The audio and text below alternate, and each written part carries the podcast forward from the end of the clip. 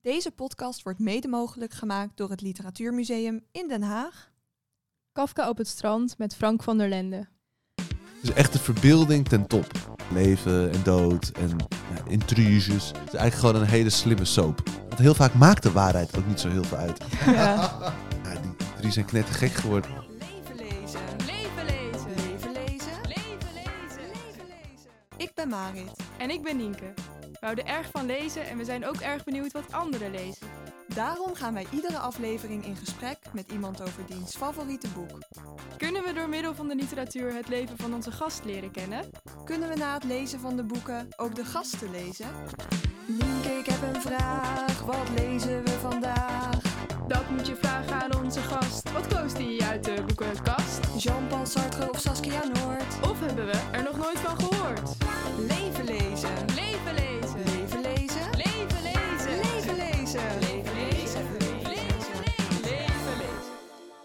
Nou, dat was me toch een belevenis. Kafka op het strand. Ja, de gast, de radio-dj Frank van der Lende, die koos echt voor een avontuurlijk boek, zou ik willen zeggen. Echt heel dik, maar wel heel leuk. Ja, hij was inderdaad dik. Meer dan 600 pagina's.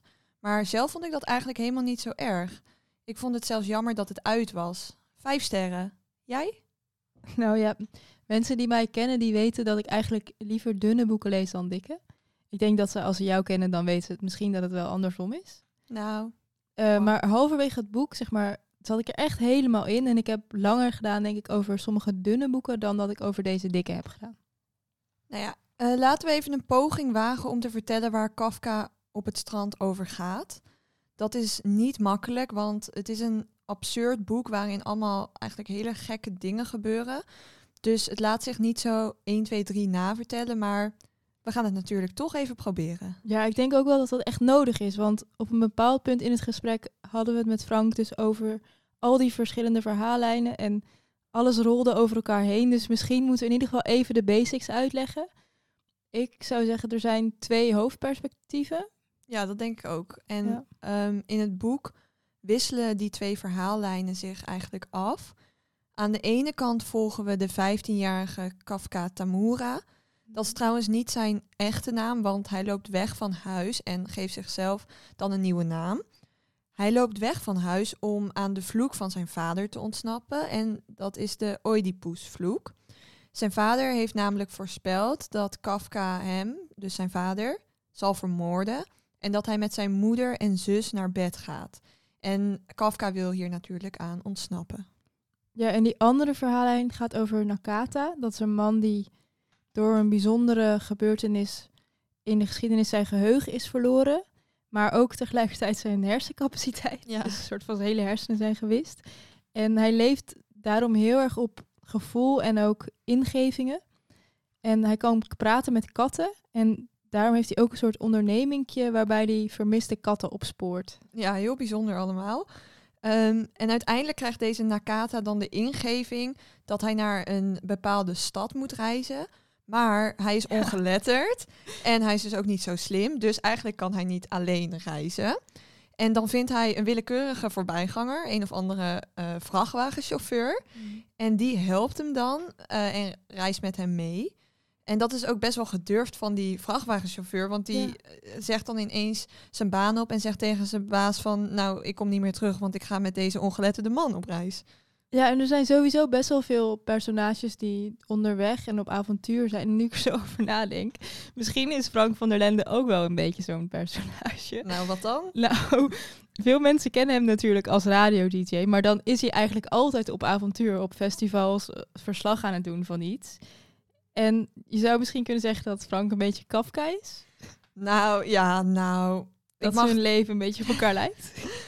ik vind het wel een beetje een vergezochte vergelijking. Want ik mag toch hopen dat Frank van der Lende niet met katten kan praten, zoals Nakata. Of dat hij bloedzuigers Oh, ja. uit de lucht kan laten regenen als hij een paraplu opsteekt. En ik hoop al helemaal niet dat hij, net als personage Kafka, met zijn moeder naar bed gaat. Maar ja, zelf zei Frank in ieder geval dat hij zich niet kon herkennen in het boek, wat misschien een enige geruststelling is. Eh, en dat het vooral een boek is waarin hij zichzelf kan verliezen. Eh, hij zei ook trouwens dat hij niet van fantasy boeken hield, normaal gesproken. Maar doordat Murakami dat eh, fantasy-achtige of absurde heel realistisch doet voorkomen, dat hij er toch helemaal in meegaat.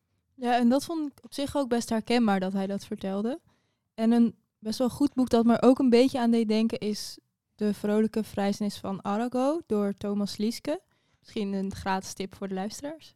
Ja, dat is inderdaad, ja, dat klopt wel. Dat is een, eh, ook een heel absurd boek, maar dat doet op een bepaalde manier toch ook realistisch aan. Nou, en als we dan nu toch bezig zijn met tips uitdelen. Heb jij er ook nog een? Ja, zeker. ik eh, moest wel een beetje denken aan, en ik herinner me Titus Broederland van Auke Hulst. Oh ja, dat boek met, die, met dat bos en dat er dan ineens ga- een gat in de grond. Ja, klopt. Dat Alles is daarin heel, eh, verdwijnt. heel wonderlijk. Nou, we gaan nu in ieder geval luisteren naar het gesprek met Frank van der Lende. En nog heel even, wat voor indruk maakte Frank eh, op jou als lezer? Nou, ehm, de vorige aflevering met Maaike Ouwboter. Daarin eh, bleek Maaike echt een lezer te zijn die zichzelf heel erg herkent in boeken. En Frank was wel een ander soort lezer voor mijn gevoel. Meer dat hij boeken een beetje gebruikt om de werkelijkheid ietsjes beter te begrijpen. Hij zei bijvoorbeeld ook dat hij zijn vader met Alzheimer met terugwerkende kracht beter eh, begreep doordat hij het boek Hersenschimmen had gelezen. Toch wel mooi hoe literatuur dan ook betekenis kan geven. Ja, dat vond ik ook. Maar nu dus het gesprek met Frank. En hij begint met een voorleesfragment. En daarin eh, horen we iets over Nakata, de man met geheugenverlies. En hierin eh, gaat hij in gesprek met de kat Mimi. Leuk weet je trouwens. Dit is echt een typische passage voor Murakami. Want ja, ja. ja, hij heeft wel eens in een interview gezegd dat eh, hij in al zijn boeken pratende katten opvoert. Als hij dan aan het schrijven is en even niet meer weet waar hij met het verhaal heen moet, dan eh, voert hij gewoon een pratende kat op. Miauw. Leven lezen. Leven lezen. Leven lezen. Leven lezen. Leven lezen. Oké, ehm, het fragment, bladzijde 113. Kafka op het strand. Ik dacht altijd aan het strand. Datzelfde ogenblik hoorde Nakata achter zich zachtjes giechelen. Hij keek om en zag op het lage muurtje van het naaste huis een mooie, slanke Siamese kat, die met half toegeknepen ogen naar hem staarde. Neemt u me niet kwalijk, u noemde zichzelf geloof ik Nakata? informeerde de Siamees met fluwelen stem. Inderdaad, de naam is Nakata. Goedemiddag. Een goede middag, zei de Siamees. Inderdaad, vanochtend was het jammer genoeg enigszins bewolkt, maar de tekenen wijzen erop dat het vanmiddag droog blijft, zei Nakata. Dat zou heel prettig zijn. De Siamees was een poes van bijna middelbare leeftijd met een vier omhoogstekende staart en een halsband met haar naam erop. Ze had een knap gezicht en leek geen grammetje te zwaar te zijn. Noemt u mij Mimi, alstublieft. Mimi uit La Bohème. Naar de aria. Si, mi chiamo Mimi. Probeer het een beetje goed uit te spreken. Ah, zei Nakata. Dat is een opera van Puccini. Mijn baas houdt verschrikkelijk van opera, ziet u. Mimi glimlachte charmant. Ik had het graag voor u gezongen, maar helaas ben ik geen goede zangeres. Dat doet niets af aan het genoegen met uw kennis te mogen maken, juffrouw Mimi. Het genoegen is geheel aan mijn kant, heer Nakata. Woont u in de buurt, als ik vragen mag? Jazeker, kijk. Ziet u dat huis daar met één verdieping? Daar word ik gehouden.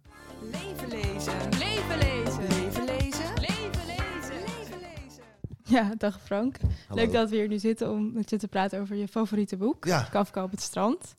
Uh, het is wel een bizar boek waarin heel veel dingen gebeuren die niet kunnen.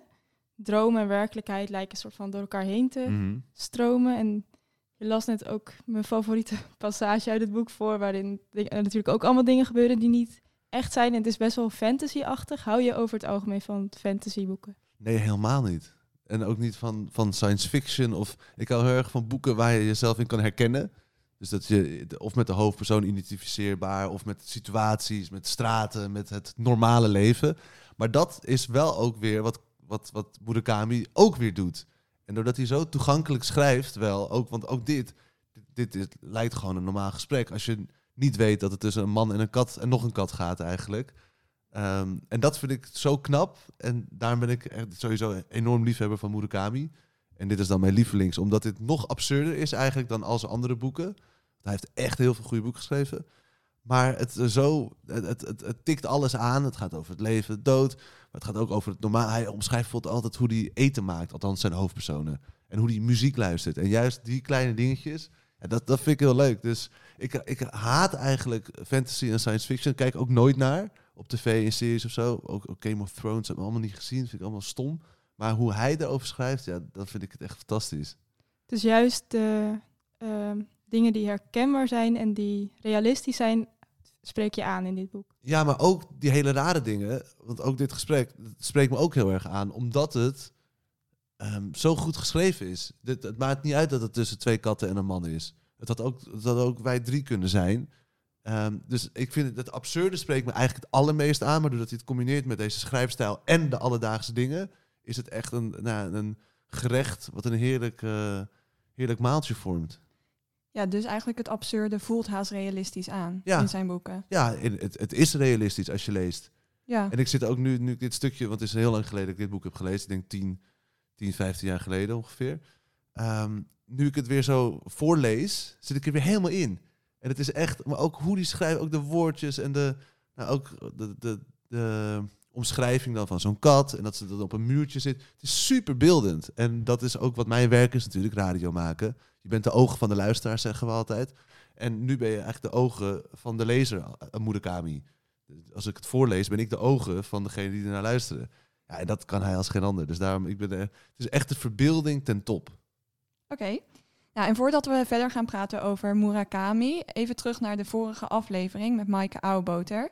Zij had namelijk een doorgeefvraag voor jou. En zij was benieuwd of je wel eens een boek hebt gelezen waardoor je heel anders over iets bent gaan nadenken.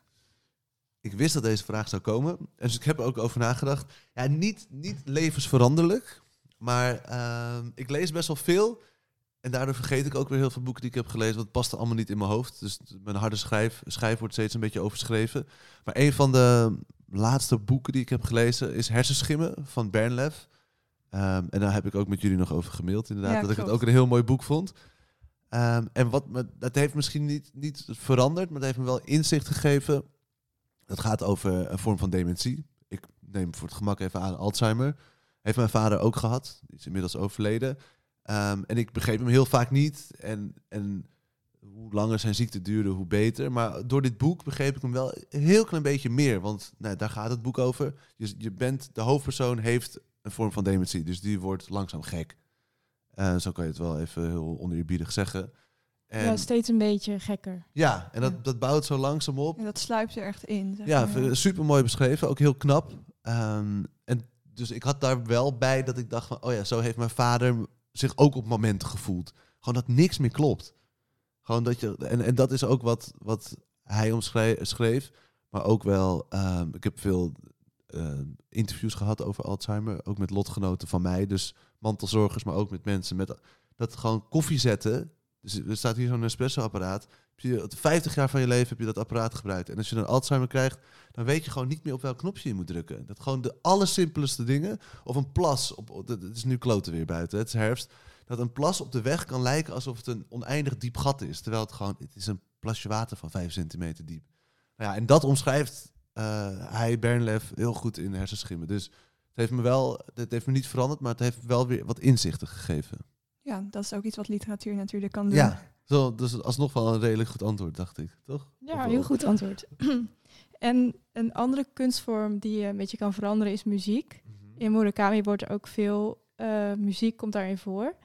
En op een gegeven moment zegt een personage dan ook dat hij is veranderd door in aanraking te komen met klassieke muziek. Oh ja. En we vroegen ons eigenlijk af of je ook zo'n soort ervaring had gehad. Nou, eh, klassieke muziek. Ik luister wel veel klassieke muziek. En dat doe ik meestal na mijn uitzending. Dan zet ik Radio 4 op. Omdat ik, zeker tot een half jaar geleden, maak ik elke, maakte ik elke dag radio. En dan ben je, ik kan niet normaal naar radio luisteren. Je bent altijd met beroepsdeformatie. aan, Waarom gebruiken ze deze jingle? Is dit gesprek opgenomen of live? Hé, waarom zegt hij dit? Waarom praat hij zo naar de nieuwslezer toe? Nou ja, noem maar op.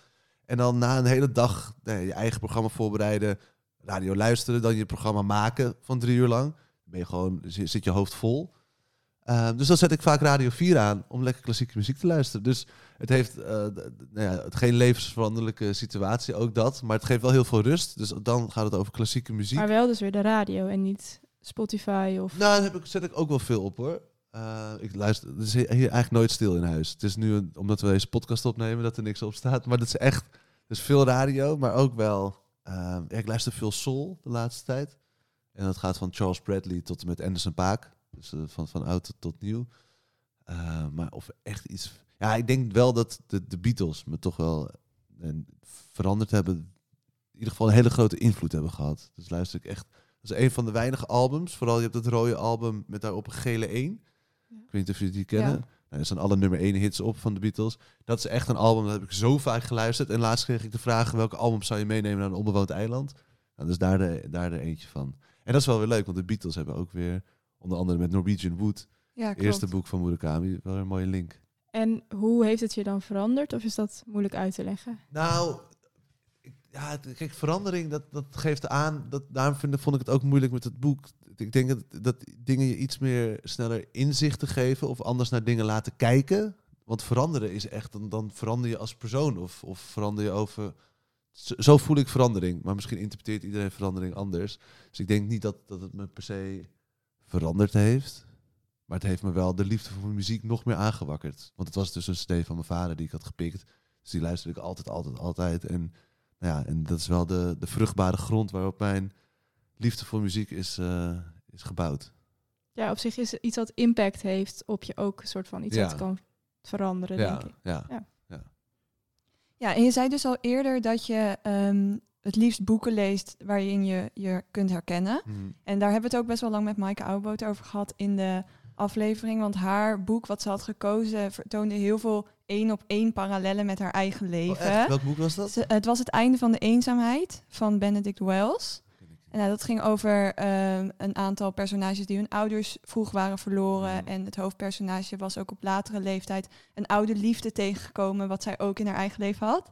Maar ze zei dat je je op heel veel verschillende manieren kunt herkennen in boeken. Ja. En dat ze zich bijvoorbeeld ook herkent in de dierenverhalen van Toontellige. Oh, mooi. Dus ja, wij vroegen ons eigenlijk af of jij je ook dan in Murakami kunt herkennen en op welke manier dat dan is.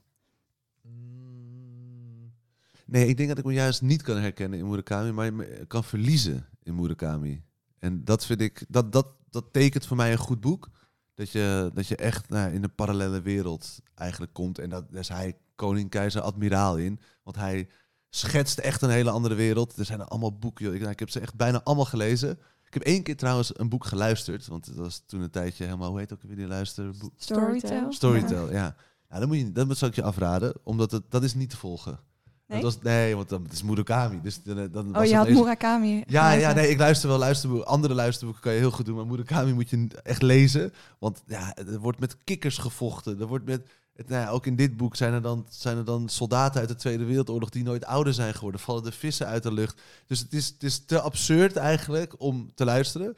Maar ehm, als je het leest, ja, dat is zo lekker om daarin te verdwijnen. En alles, bij hem kan alles. En ik kan me nog niet, en misschien jullie wel hoor, mijn vinger er helemaal achter leggen. Behalve dan de eerdere argumenten die ik benoemde. Dat hij heel eh, fijn schrijft en het toegankelijk maakt. Maar waarom je, je pikt alles van hem. Ja, Hij kan een huis op zijn kop laten staan. Denk je van ja, maar dat in zijn wereld horen alle huizen op, op hun kop te staan. Dat vind ik zo knap. Ja, en als we dan nog dieper die parallele wereld ingaan, dan heb je eigenlijk twee personages, Kafka en Nakata. Ja. En Kafka die is super bewust van alles en die bereidt zich op alles voor. Die is helemaal zeg maar overprepared. Mhm. En Nakata is meer laid back en die laat zijn gevoel een beetje spreken met waar hij heen gaat. ja. ja die, weet is alles nooit- kwijt. Zijn hele geheugen is kwijt. Ja, Ja. toch? En hij weet eigenlijk ook nooit wat hij gaat doen totdat hij opeens een soort van ingeving krijgt. Ja, Ja. klopt. ja. En wie zou je dan liever willen zijn? Nou, ik denk dat ik liever Nakata zou willen zijn. Maar ik denk dat ik iets meer Kafka wel ben. Dus ik zou eigenlijk, ik denk ook wel dat ik het, het, imago een beetje heb. Met mijn lange haren en een beetje hè, hooitjes en eh, liefde. Dat ik dat heel erg heb. Een beetje dat hippie eh, imago. Wat ergens ook wel klopt. Want, eh, ik ben ook wel levende liefde en heel, heel vriendelijk volgens mij. Maar ik maak me best wel zorgen over dingen. En probeer ook wel voor te bereiden op dingen. Dus de, de- de ideale wereld ben je denk ik een mix tussen hun twee. Want het is heel lekker om maar een beetje op de wind te varen, wat Nakata doet. Eh, maar ik denk dat heel veel mensen dat ze Nakata zouden willen zijn, maar stiekem Kafka eh, nog wel extremer zijn. Maar ja, het moet, je moet natuurlijk ook wel een beetje plannen. En dat helemaal nu ik een kind heb, moet je helemaal plannen. Ehm, en dat doet Kafka wel veel meer dan, dan Nakata, ja. Ja. ja, over Kafka gesproken. Die is dus ehm, eigenlijk op de vlucht. Hij loopt weg van huis eh, voor zijn vader. Ehm, en ook best wel veel andere personages die vluchten. eh, een soort van, je hebt dan de vracht, eh vrachtautochauffeur. Hoe weet, hoe noem je dat? Vrachtwagen. Vrachtwagenchauffeur, vrachtwagenchauffeur Ja. inderdaad, dankjewel. Zo heet hij. Hiroshima, ehm, die, eh, die vlucht ook voor zijn verantwoordelijkheden. Ja. En ben jij iemand die ehm, zijn verantwoordelijkheden neemt? Of zou je ook soms wel willen vertrekken met de Noorderzon Oh, en alles achter je willen Dat laten? heeft iedereen toch, dat droomt iedereen wel eens van. Eh, maar nee, nee, eh, heel, heel weinig droom ik daarvan. Want ik vind mijn leven heel erg leuk. Ehm, en ik neem ook wel mijn verantwoordelijkheden. Dus, dit is, maar dat is wel goed. Maar dat gebeurt wel in meer boeken van Murakami hoor. Dat mensen uit hun normale leven of worden getrokken door iets, of dus weggaan. Ehm, nee, als je, het, als je het op mij betrekt, dan zou ik wel. eh, ik neem wel mijn verantwoordelijkheid voor de dingen. Is dat iets wat vanzelf gaat bij jou? Ja, best wel. Ik vind ook dat als je A zegt, je ook B moet zeggen. Ehm, en dat je ook best wel veel dingen eigenlijk kan beïnvloeden. Dat Sommige, soms denken mensen van ja, het overkomt me allemaal, het lot. Natuurlijk heb je niet op alles invloed. Dat mijn vader is overleden, dat had ik natuurlijk, als ik daar invloed op had gehad, had hij nog Mhm. geleefd. Dus dat, daar ben ik ook wel realistisch in. Maar ik geloof wel dat als je ehm, door schade en schande wat wijzer bent geworden, best wel je leven een beetje kan sturen, in ieder geval. Ik denk niet dat je, of bijsturen. Ik denk niet Mhm. dat je helemaal kan bepalen, we gaan nu naar links, we gaan nu naar rechts. Maar je kan wel door bepaalde keuzes die je maakt, ergens komen waar je uiteindelijk zou willen zijn. En is dat ook nog meer geworden sinds je zelf vader bent geworden? Is er dan iets veranderd of was je altijd al heel verantwoordelijk? Nou, dan heb je wel de grootste verantwoordelijkheid van, van die je ongeveer kan krijgen. Want zonder mij, het gaat Koos dood. Althans, hij heeft zijn moeder gelukkig en heel veel lieve mensen om Mhm. hem heen. Maar als je het helemaal stript, als ik niks doe en nou ja, niemand ook laat weten dat ze me moeten helpen, ja, het is super afhankelijk van mij. En dat is. ehm, ik dacht dat ik het heel beangstigend zou vinden, maar ik vind het eigenlijk heel mooi en ook wel eh, dankbaar. Je, je kan je heel erg nuttig maken. Ik hou heel erg van om. Ik hou niet zo van een hele dag niks doen. Er zijn, zijn, mensen die kunnen de hele dag op de bank liggen en dan daar heel content mee zijn. Dat kan ik niet zo goed. Dus ik wil dan, dan ga ik of eh, hardlopen, of ik moet iets voor mijn werk doen, of ik, ik moet me nuttig, of ik moet het hele huis gewoon. Ik vind gewoon, het kan ook een heel klein taakje zijn, maar ik vind dat ik mezelf elke dag nuttig moet maken. En nu maak je het nuttig door voor hem te zorgen. Dus ik kan prima de hele dag op de bank liggen met hem. En Ja. dat geeft zoveel rust. Waar, waar, daar, daar ben ik wel heel eh, content mee eigenlijk. Mooi. Leven lezen. Leven lezen. Leven lezen. Leven lezen. Leven lezen. Kafka loopt weg van huis om aan de vloek van zijn vader te ontkomen, de Oedipusvloek. Want zijn vader heeft tegen hem gezegd dat hij, eh, zijn, dat hij hem zou vermoorden en met zijn moeder en zijn zus naar bed zou gaan. Ja. En hij gaat ook met vrouwen naar bed en het is niet helemaal duidelijk of dat nou die moeder en die zus zijn. Maar tussen de regels door wel, toch? Ja, maar, Maar niet echt. Het- je weet het eigenlijk Je niet weet het nooit 100% ja, zeker. maar dat is ook weer Ja. zo goed aan Murakami. Ja, en dan kun je een soort van gaan nadenken over de vraag of het ooit, want hij loopt dus weg van zijn vader om aan die vloek te ontkomen, Ja. of het dan ook mogelijk is om aan je ouders te ontkomen. Nee. Nee, ik denk het niet. Ook al ga je inderdaad bij ze weg of verbreek je alle banden. Het heeft zo'n invloed op je. En dat zal voor jullie ook gelden. Het zal voor alle luisteraars gelden. Ook al spelen ze geen actieve rol in je leven, je ouders. Ze hebben zoveel invloed op je gehad. En, en daar ben ik me wel bewust van. Ook nu met dus dat ik zelf vader ben. Dat ik denk, oh ja, je moet wel. Je gaat nooit alles goed doen. En dat kan ook helemaal niet. Eh, want ook hij wordt door schade en schande wijzer. Maar eh, nee, ik denk dat, dat je er nooit aan kan ontkomen. Dus dat, is, nou ja, dat blijkt ook in dit boek. En dat is dus ook wel weer heel goed aan het boek. Dat er heel veel extra onder zit. Het is niet gewoon een fantasy verhaal wat voor entertainment moet zorgen. Ook. Maar het is ook met dit soort... Nou, het hele Oedipus verhaal is natuurlijk ook altijd heel interessant. Ehm, en wat ik al zei helemaal aan het begin. Leven en dood en nou, intriges. Het is eigenlijk gewoon een hele slimme soap. Ja, en met heel veel lagen. Ja, Maar ik weet niet, denk je dat iedereen altijd alle lagen eruit haalt? Maar dat is eigenlijk ook niet nodig. ik denk dat je er iedere lezing weer een andere laag Ik uithaalt. denk Ja, dat je toch? dit Dit heel vaak kunt lezen. Ja. Ja. En dat je dan weer nieuwe dingen ontdekt. En dat is natuurlijk ook helemaal niet erg, dat je niet alles eruit haalt. Nee. Maar je zegt dus, ik denk niet dat het kan dat je aan je ouders ontkomt. Maar is dat Ik- iets ik wat je denk, ooit hebt ik weg. gewild? Nee, nee. Nee, maar ik, ik haal, ik denk weg. Want Oké, je kan, je het kan, kan niet niet. ontkomen aan je ouders. Ehm, want ook al zijn ze er niet meer, of, of... Want ook al heb je ze nooit gehad, bij wijze van spreken. Je hebt wel een, een band met ze. In je zit dat. Mhm. En dat, dus, dus Maar nee, ik heb nooit eh, de banden willen breken met mijn ouders. Of dat ik dacht van, oh mijn god, ik ben blij als ik van ze af ben. Nee, dat is natuurlijk ook wel iets heel groots. Maar dat er misschien bepaalde dingen zijn waarvan je denkt... oh, nu lijk ik op mijn ouders en dit trekje zou ik niet willen hebben bijvoorbeeld. ja, die, die heb ik, die, ja, die heb ik zeker gehad. En ik zit nu even te denken of ik dat eh, nu kan reproduceren. Of ik iets, iets actueels heb. Ah ja, nee, het is, het is net, mijn, mijn vader is anderhalf jaar geleden overleden. Dus het is Mhm. allemaal een beetje... Ik denk dat ik vooral daarmee bezig ben geweest Ja. in mijn hoofd. En niet per se met wie ik niet wil zijn. Of, nou, ik weet wel, mijn vader die werkte heel veel toen ik klein was. Dus die was, kwam nooit bij voetbal kijken bijvoorbeeld of zo. Mijn moeder wel altijd. En mijn opa ook. Die, dat vond ik ook heel leuk. Dus dat is wel, dat zijn die kleine dingetjes die ik dan wel anders wil doen. En zeker nu eh, ben ik heel veel met hem. Want ik had, het is een mooie nieuwe regeling heb je in Nederland.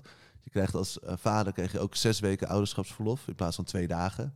Eh, dus je hebt één week geboorteverlof en vijf weken ouderschapsverlof. En die vijf Ja. weken mag je dus inzetten het eerste jaar. Heb ik meteen eraan vastgeplakt. Ben ik ook nog van baan gewisseld. Waardoor ik nog meer vrije tijd had. Dus ik heb gewoon de eerste, nou, ruim drie maanden ben ik gewoon vrij geweest. Dus ben ik gewoon elke dag met hem geweest. Ik heb ook, ben ook wel eens weg geweest. Maar het is niet dat ik hele dagen hoefde te werken. En nu ben ik weer een beetje aan het werken en zo. Maar alsnog, in mijn nieuwe leven, ja, ik, ik maak nu dan drie programma's op Veronica. Vrijdagavond, zaterdag en zondagmiddag. En daaromheen ja, ben ik freelancer. Dus ik ben best wel veel thuis. En mijn vader had een eigen zaak. Dus dan een kledingzaak. Dus dan sowieso heb je veel meer verantwoordelijkheid.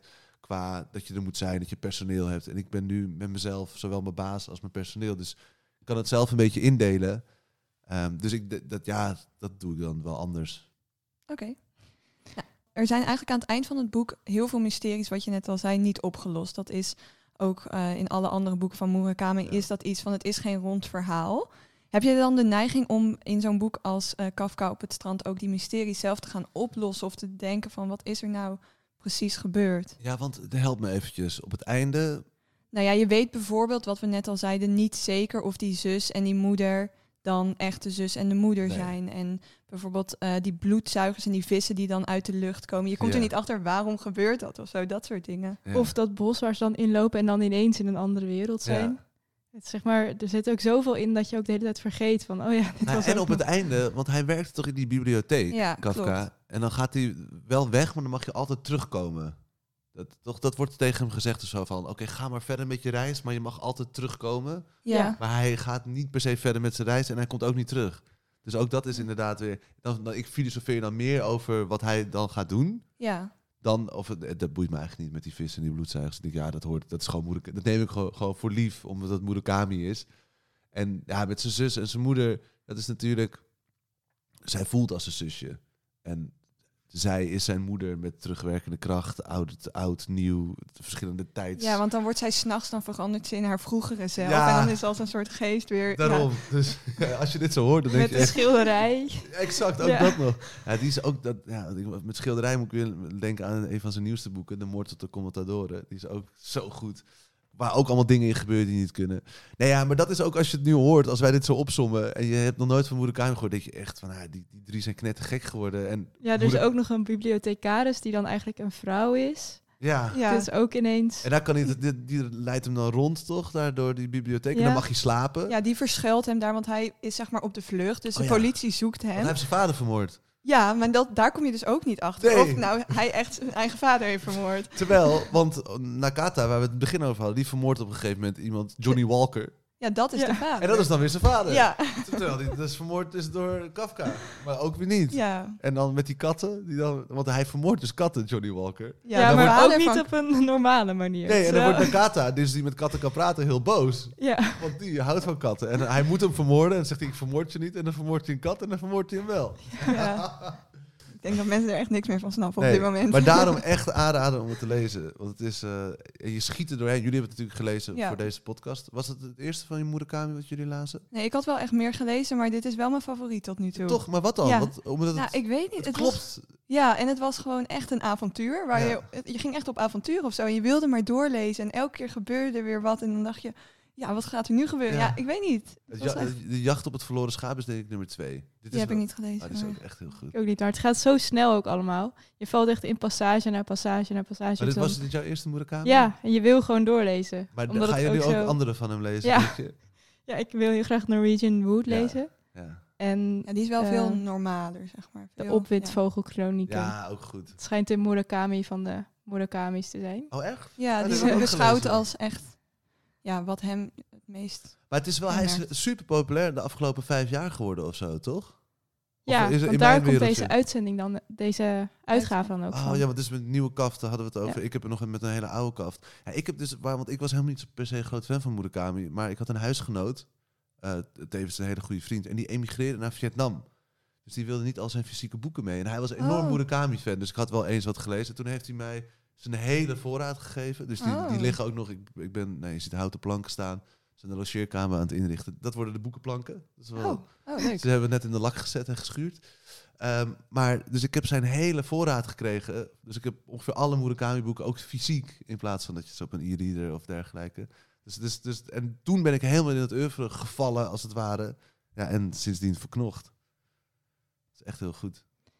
En we hadden het even over mysteries oplossen. Ben jij over het algemeen iemand die alles wil weten en uitzoeken van tevoren? Of vind je het ook fijn dat sommige dingen een raadsel blijven? Zoals in dit boek. alles een raadsel is. Om het leven of als ik een boek ga lezen? Wat jij wil. Eh, nee, ik vind dat het. Ik had laatst een gesprek met iemand. Oh ja, dat, was, dat, nee, dat, dat komt weer terug op, op Alzheimer. Maar ik was bij ehm, een lancering van iets met Alzheimer Nederland. Daar werk ik mee samen. En daar was Christa. Christa is, zit ook in restaurant, restaurant Misverstand en heeft Alzheimer zelf. En daar ging het over nou hoe om te gaan soms met haar als ze niet meer weet of ze gegeten heeft. Of dat ze zegt van, nou, het, eh, ik was woensdag fietsen. Dat iemand zegt, nee, het was dinsdag. Dan zei ze van, het maakt mij niet uit of het woensdag of dinsdag was. De waarheid maakt mij niet meer zoveel uit. Wij zijn allemaal, als wij, wij met z'n drie als normale mensen, of in ieder geval niet met een aandoening, vinden het heel belangrijk dat dingen kloppen. En dat het de waarheid is. En dat wij hier nu zitten op dinsdagmiddag of maandagmiddag, ga ik al, eh, half vier. En dat het, nou ja, terwijl zij zei van ja, het maakt niet zo heel veel uit. Als, wij, als ik maar gewoon een fijn moment met jou heb en een goed gesprek. En dat, dat we samen zijn en dat er interactie is tussen twee mensen. En of het nou dinsdag of kijk, als ik hele rare dingen zeg of als ik jou beschuldig van dat je dit boek van mij hebt gestolen, ja, dan mag je tegen me zeggen dat klopt niet, Christa, want. eh, maar zij zei van de waar en dat dat vind ik wel mooi eigenlijk, want heel vaak maakt de waarheid ook niet zo heel veel uit en zeker niet als het gaat om kleine dingen. En dat, nou ja, dat zie je in dit boek. De waarheid maakt echt geen klap uit, want nee, je maakt maar je eigen waarheid. Dus ik ben, nee, ik ben niet een enorme uitpluizer. Was ik al niet. Ehm, ook omdat ik heel goed gelovig ben. Dus als jullie dit zeggen, dan als jullie met z'n tweeën zeggen dat, dat nou, die trui nou, dat, die trui is wel echt roze. maar dat, hè, dan hoef ik niet, dan geloof ik jullie. Dus ik ga niet alles helemaal uitpluizen en, en eh, nazoeken en jullie checken. Want ja, ah, dat, ik ben ook gewoon een beetje lui. maar ook de waarheid maakt niet altijd uit, eigenlijk. Oké, een mooie boodschap. De doorgeefvraag. De doorgeefvraag. We gaan alweer naar de volgende aflevering. Ja. Die is met schrijver Shole Rezazade. En we vroegen ons af of jij voor haar een vraag hebt. Nou, ja, daar ben ik wel nieuwsgierig naar. Ehm, ik, ik denk, dit is voor iedereen wel interessant, denk ik. Nou, we hadden het net over mijn kindje en dat ik hem soms voorlees uit Jip en Janneke en Takkie. Een hele saaie eh, verhaaltjes nu nog. Maar eh, ja, eigenlijk haar favoriete kinderboek. Dus iets, daar heeft iedereen warme herinneringen bij. Dat je stiekem nog onder je bed met een klein lampje nog ging lezen terwijl je eigenlijk moest slapen. Of dat je echt het boek niet weg kon leggen. Ehm, en of misschien wist je wel dat je met dat boek van AV5 naar AV6 ging, qua leesniveau. Dus dat is eigenlijk mijn vraag aan haar. Nou, dat gaan we vragen. Leuk. Bedankt voor het leuke gesprek. En de volgende aflevering is dus met Shole Rezazadeh.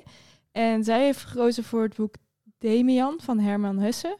Een coming-of-age roman uit het jaar 1900 over de jonge Sinclair die in een nieuwe stad Max Demian ontmoet. En hij raakt gevaccin- gevaccineerd, ook, hij raakt ook gevaccineerd. gefascineerd door Demian, die geen angst of schaamte lijkt te kennen. En ben jij nu nieuwsgierig en wil je het boek alvast lezen? Dat kan. Want het boek is te bestellen bij de Bezige Bij of in je lokale boekhandel of bibliotheek. Bedankt voor het luisteren naar deze aflevering van Leven Lezen. Wil je meer afleveringen beluisteren? Volg ons dan in je favoriete podcast-app. Heb je een vraag? Of wil je ons gewoon iets laten weten? Stuur dan een mail naar levenlezen.gmail.com. Je kunt ons ook volgen op Instagram en Twitter. Tot de volgende keer!